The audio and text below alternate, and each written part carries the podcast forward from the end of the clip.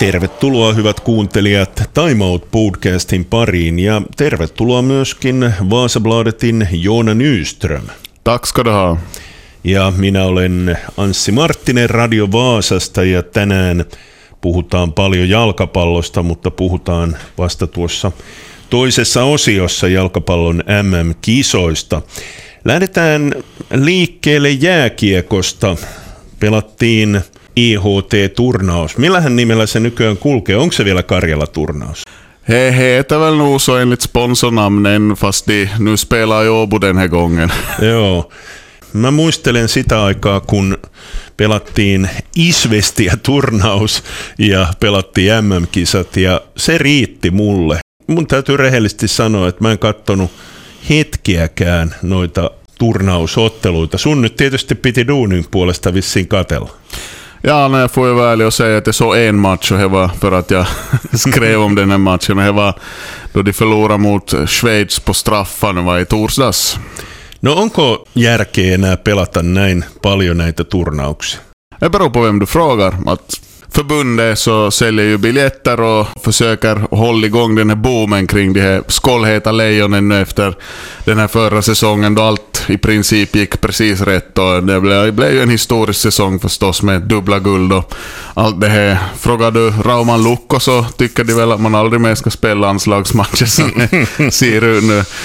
FM-ligans poängkung Handre Hakulinen där skadade sig bland annat och vad, vad, nu, vad som hände. Så jag tycker nog helt vettigt att man spelar landskamper och är ju, är ju fint att landslaget kommer och visar upp sig nu och då. Men man kan ju definitivt ställa sig frågan att, att är det vettigt att ha så det många matcher och om man tänker på till exempel hurdant VM-format är nu för tiden. Det är massor med matcher bara i VM till att börja med. Så, så hur ska man göra då? Ska man börja landslagssäsongen så att säga först efter julen kanske? Eller, ja, man kan ju fundera. Mm, tai sitten edelleen tehdä sitä enemmän ja enemmän, että siirretään näitä otteluita sitten pienemmille paikkakunnille. Toki nytkin oli siirretty Turkuun, mutta ei se nyt hirveän pieni paikkakunta, mutta tyyliin vaikka, että pelattaisiin Rovaniemellä ja Kokkolassa ja niin edelleen jotain otteluita, erillisiä maaotteluita.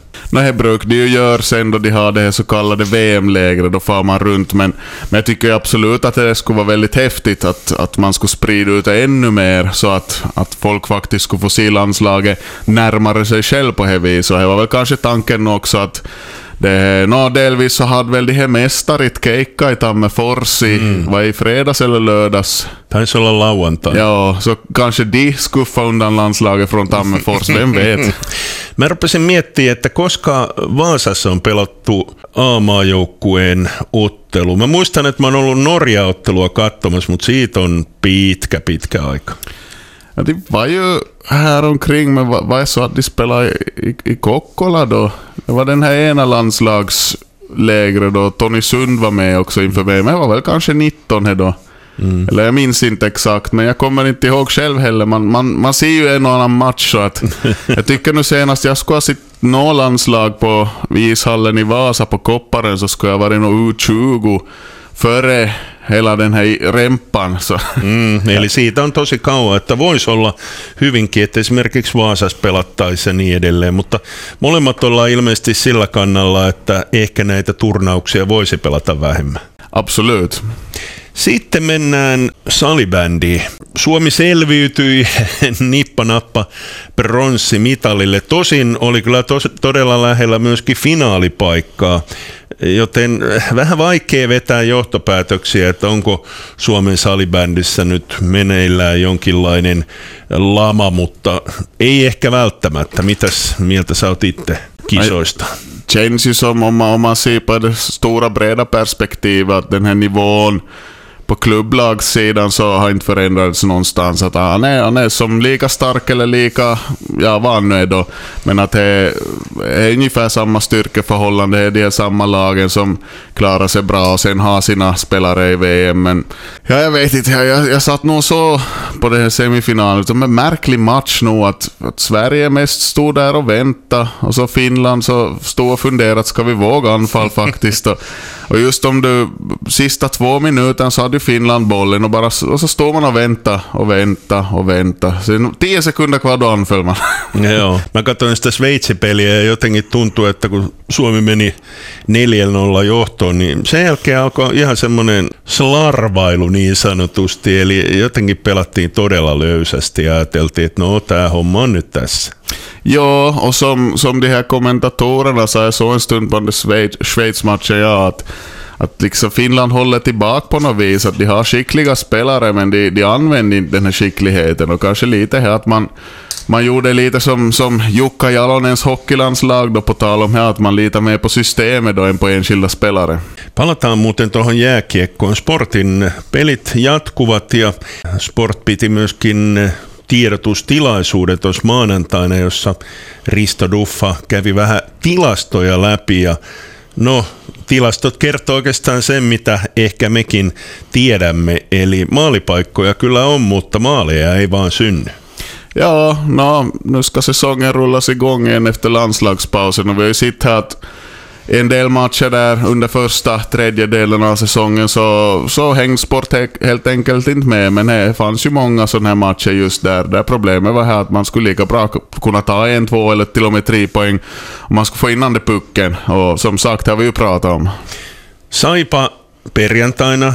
Mitäs muita pelejä tällä viikolla? Skulle ha varit Pelikans borta på onsdag och, och vad är Ilves på nytt nu borta då på mm. lördag? Mä en muista muuta kuin sen Saipa-pelin perjantaina. No Saipa ei hemma, de andra är borta. Joo, kyllä, kyllä. Se siitä jääkiekosta. Puhutaan vielä nopeasti Vepsusta. Jääskä sopimukseen pelas itselleen luultavasti paikan noilla viimeisillä otteluillaan. Mulla oli ainakin semmoinen tunne, että ennen noita vikoja pelejä niin olisi voinut olla pikkusen kiikun kaaku Jääskän jatko. Ja, han hade ju en svår säsong också, ska man komma ihåg. Att han, han hade ju diverse problem då, kom, kom i form först riktigt mot slutet. Och som du sa då, då, då tycker jag han övertygade sig. Han gjorde två segermål då och, och hade en framspelning där till ett jättefint mål i Valkeakoski. Och, och jag tycker nog helt, helt förtjänt det här kontraktet. Han är inte dyrast spelaren som VPS kommer till ha en ny säsong. Och nu fick han dessutom ett ganska långt kontrakt så han får som på riktigt chansen att jobba in sig igen nu i, i FM-ligan och visa sig dugligt i den här serien. Så det var två plus ett kontrakt. Så att, eh, ja, jag tycker att VPS gjorde helt rätt här, en egen produkt dessutom. Så att en, en bra fortsättning, men sen är det ju fortfarande väldigt öppet med många andra spelare. Mielenkiintoista on kyllä se, että VPS on aika lailla pysyy kasassa, eli todella paljon niin kuin viime kauden joukkueesta pelaajia jatkaa, joka on tietysti hyvä asia. Tietysti lähtee pohtimaan myös sitä, että koska niitä vahvistuksia sitten joukkueeseen hankitaan. Ja tosiaan niin kuin sanoit, niin siellä on monia kysymysmerkkejä, muun muassa Sebastian joka ainakin kun Tommi Helmisen isänpäivähaastattelua kuuntelin, niin kovasti on kyllä satsaamassa edelleen tuleviin kausiin. Ja, jag bytt några ord med honom häromdagen, så han menar att det fortfarande är öppet hur det blir här. Och samma sak gäller ju till exempel Steven Morrissey som inte har hörts någonting om på sistone. Om man går till rykteskarusellen nu så senast jag hörde är att, att Jonas Vahtera skulle vara på väg bort. Onko kuullut seuraa? Hej, återigen det här Kups som har dykt upp i spekulationerna, mm. liksom med Samba Silla här som vi pratade om för någon vecka sedan. Men det är som sagt obekräftade rykten. Sen hörde jag också att det tydligen kanske ändå inte blir nytt kontrakt med Oskar Forsman, målvakten. Att där, där är mm. en vändning då. Men äh, vi får se, Spe, vi får spekulera vidare än så länge. kyllä, kyllä. Ehkä viikon päästä ollaan viisaampia. Time Out Podcast on käynnissä. Studiossa ovat Radio Vaasan Anssi Marttinen ja Vaasabladetin Joona Nyström. Ennen kuin mennään jalkapallo MM-kisoihin, niin puhutaan naisjalkapallosta, jossa aikamoinen paukku tuli. Ymmärsi, että Vaasabladet kertoi tuossa menneellä viikolla siitä, että moni FC Sportin pelaaja on siirtymässä VFK-riveihin – sitten meni muutama päivä ja ilmoitettiin, että Vaasan palloseura ottaa siipien alle FC Sportin naisten edustusjoukkueen ja tavoitteena on tulevaisuudessa liikapaikka. Mielenkiintoista. Ja, ja, jag måste säga det här kom, det här kom nog som en överraskning för mig. Att det var nästan där man spottade ut kaffe där över frukostbordet. Jag kommer ihåg för, för några år sedan, inte jättelänge sedan, så stod jag och pratade med Tommy Kärkkäinen nu som tränaren som gick över från FC Sport till Vasa IFK och på sitt sätt återvänd till Vasa IFK. Han har ju haft herrlaget där för och han, han pratar ju om det här att ja, om det på riktigt ska, ska bli till ett ligalag för damerna i Vasa så måste man ta de här bästa och sam, samla ihop dem i samma lag. Och det är lite här han har försökt göra nu, vad Vasa IFK har försökt göra. Det är ju ingen överraskning att FC Sport degraderas till division 2, Kärkkäinen går över till Vasa IFK, att spelarna vill följa med för de vill ha, de vill ha hårdare motstånd, de vill ha en bättre miljö, de vill utvecklas och, och kanske då någon gång stiga upp till ligan. Och, och nu var ju det här Kärde som vi han kallas, hans vision var ju på väg att, att förverkligas här då och så kommer det mitt i allt. en sån här grej, kommer en ny slev i soppon och nu minns jag inte om det är fyra, fem spelare redan som har gått från FC Sport till Vasa IFK. Och några som vi vet att Vasa IFK vill ha till exempel laget FC Sports bästa anfallare, bästa spelare Tilda Rots som har börjat få spel tid i juniorlandslag och så, och så vidare. Och, och så var det nog något namn till där, målvakten Lotta Rosenström. Och, och intressant är ju där att att eh, Lotta Rosenströms syster Vilma har redan skrivit på för Vasa IFK. Sen tror jag också att Tilda och Adela Rots är systrar och en av dem har redan skrivit på för Vasa IFK. Så vi får se. Och för VPS slash FC Sport då så handlar det ju allra främst då om att vilka spelare lyckas de behålla. Och vem kommer till trän det här laget? Minkälainen toi VPSn naisten ja tyttöjen jalkapallotilanne on? Mä oon aika pihalla siitä. No, ett damlag hade ju inte haft på länge. Jag kommer ju ihåg att det fanns nog, för inte så det är omöjligt länge sedan ändå, men de spelar väl ungefär på division 3-nivå. Att det var mer så det hobbyverksamhet då, om jag minns rätt. Och på juniorsidan så flicklag hade ju nog, men nu vet jag inte hur högt upp i åldrarna, kan jag inte säga heller helt säkert. Så att, eh, men nog på sikt så har det ju nog potential att få fram från egna led också, men där blir det ju väldigt, väldigt intressant, för nu har vi då VPS och FC Sport, då har vi Vasa IFK och sen har vi ännu det här Vasa Fotbollsakademi. Så vi har tre aktörer då, och då man ser till det då att för vems juniorer vill man spela? Det, det finns alternativ nu i alla fall, det kan vi ju konstatera.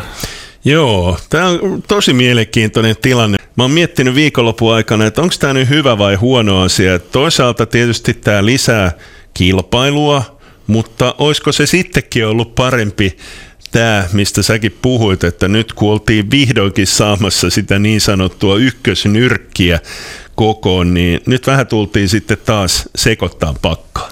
No att det är just det som att om, man, om man tänker som på det som bäst för om man vill ha ett ligalag på hyfsat kort sikt i Vasa så skulle jag varit att att alla ägg samlas då i samma, samma korg då förstås och då är det Vasa IFK som samlar upp och eventuellt till och med då att de skulle ha haft FC Sport som lite av ett farmalag i division 2 för att Vasa IFKs egna andra lag så följer till division 3 den här säsongen.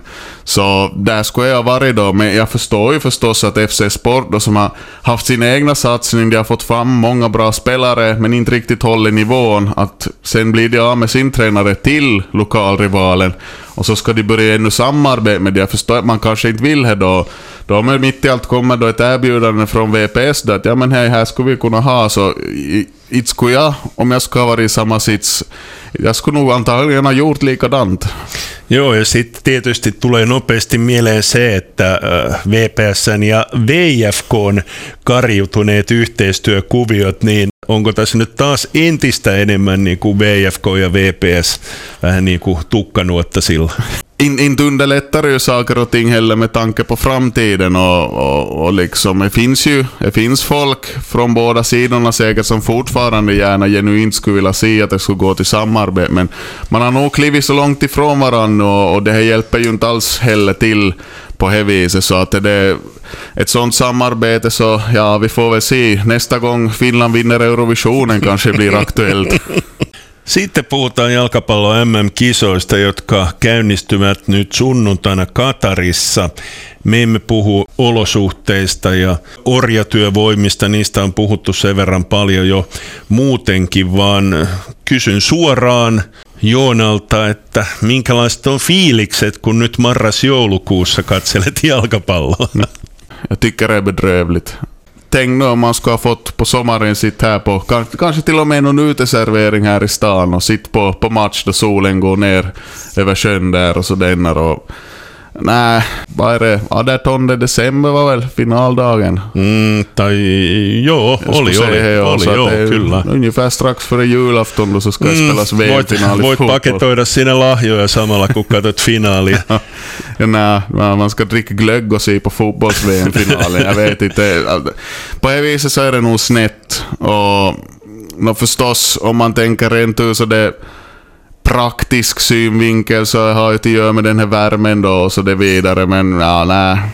No jos mennään ihan pelillisiin asioihin, niin heitäpä mulle neljä kärkijoukkuetta. Mihin joukkueisiin uskot eniten? Vi menar i princip, då semifinallagen i det här. No periaatteessa. Mulla tuli mieleen, että onko tänä vu- vuonna pitkästä, pitkästä, pitkästä, pitkästä, pitkästä aikaa sellainen tilanne, että Saksaa ei tarvitse pitää ennakkosuosikkina.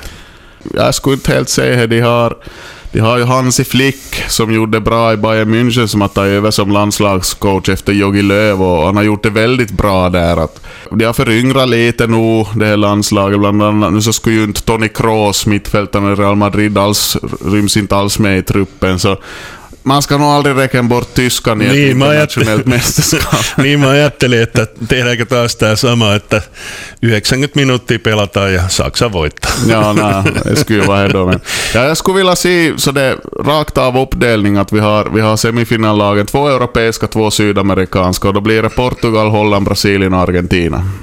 Onko nämä sun suosikkijoukkueita vai uskotko näin? Det är väl vad jag tror på. Uh, om jag ska välja ut ett lag som jag håller på i VM så är det väldigt enkelt val. Det är Danmark. Joo, Tanska on kyllä hieno joukkue, joo, se on varmaan munkin suosikkijoukkueita, mutta Tanskahan on pelannut myös hyvin. Sä et nostanut kuitenkaan Tanskaa neljän sakki. De kan vara en så här så kallad svart häst nu om de får det till klaff och de, de gjorde väldigt bra nu i EM senast. Så inte, inte ska man väl räkna bort det. De har en väldigt det är sammansvetsad trupp, de har en väldigt bra tränare i Kasper Hjulman då, och så det vidare. Så kanske om vi ska säga så är lite så klassiskt flyt sen i utslagsfasen så, så kan det gå. Men jag håller fast vid de här lagen som jag nämnt som semifinalkandidater. Mm. Brasilia ja Argentiina varmaan munkin papereissa, mutta sitten mitähän mä sinne laittasi? Ranska, mitä sä oot mieltä? Belgia, Frankrike så, ja, anfallskraft har de, men de har bort sina två viktigaste mittfältare. Det är Paul Pogba och N'Golo Kanté, så att det kan bli lite problem på mittfältet där. avausottelu Qatar, Ecuador. Ei kyllä osaa sanoa yhtään miten käy, mutta kyllä mä nyt Ecuadorille pistäisin rahoja. Ja, ja förstås. Ecuador har nog de, vad ska man säga, de kanske nu för tiden tredje bästa nationen i Syd Sydamerika. Men jag såg här faktiskt nå, lite sådär dokumentärsnutt om det här Qatars landslag och eh, det var någon spanjor där, eller hur det nu var. Jag tror han var spanjor som har jobbat väldigt länge i landslagssammanhangen i Qatar. Men det intressanta var väl här att det var till och med så att varenda spelare i den här truppen så spelar i Qatars egna liga. Att det finns inte på det viset några utlandsproffs. Vilket ju gör då att ingen har riktigt koll på det här. Jag tror jag är så många landslag som har varit scoutat i Qatars liga. Inte. Kanske nu de här gruppmotståndarna har sträckt sig så långt då, men vi får se. Det är väldigt ovisst det här vad, vad det här laget kan ställa till med överhuvudtaget. Ensi viikolla ollaan paljon viisaampia, kun ollaan nähty muutama peli. Kiitos Joona Nyström. Tack, tack. Tässä oli tämänkertainen Time Out podcast ja ensi viikolla jatketaan.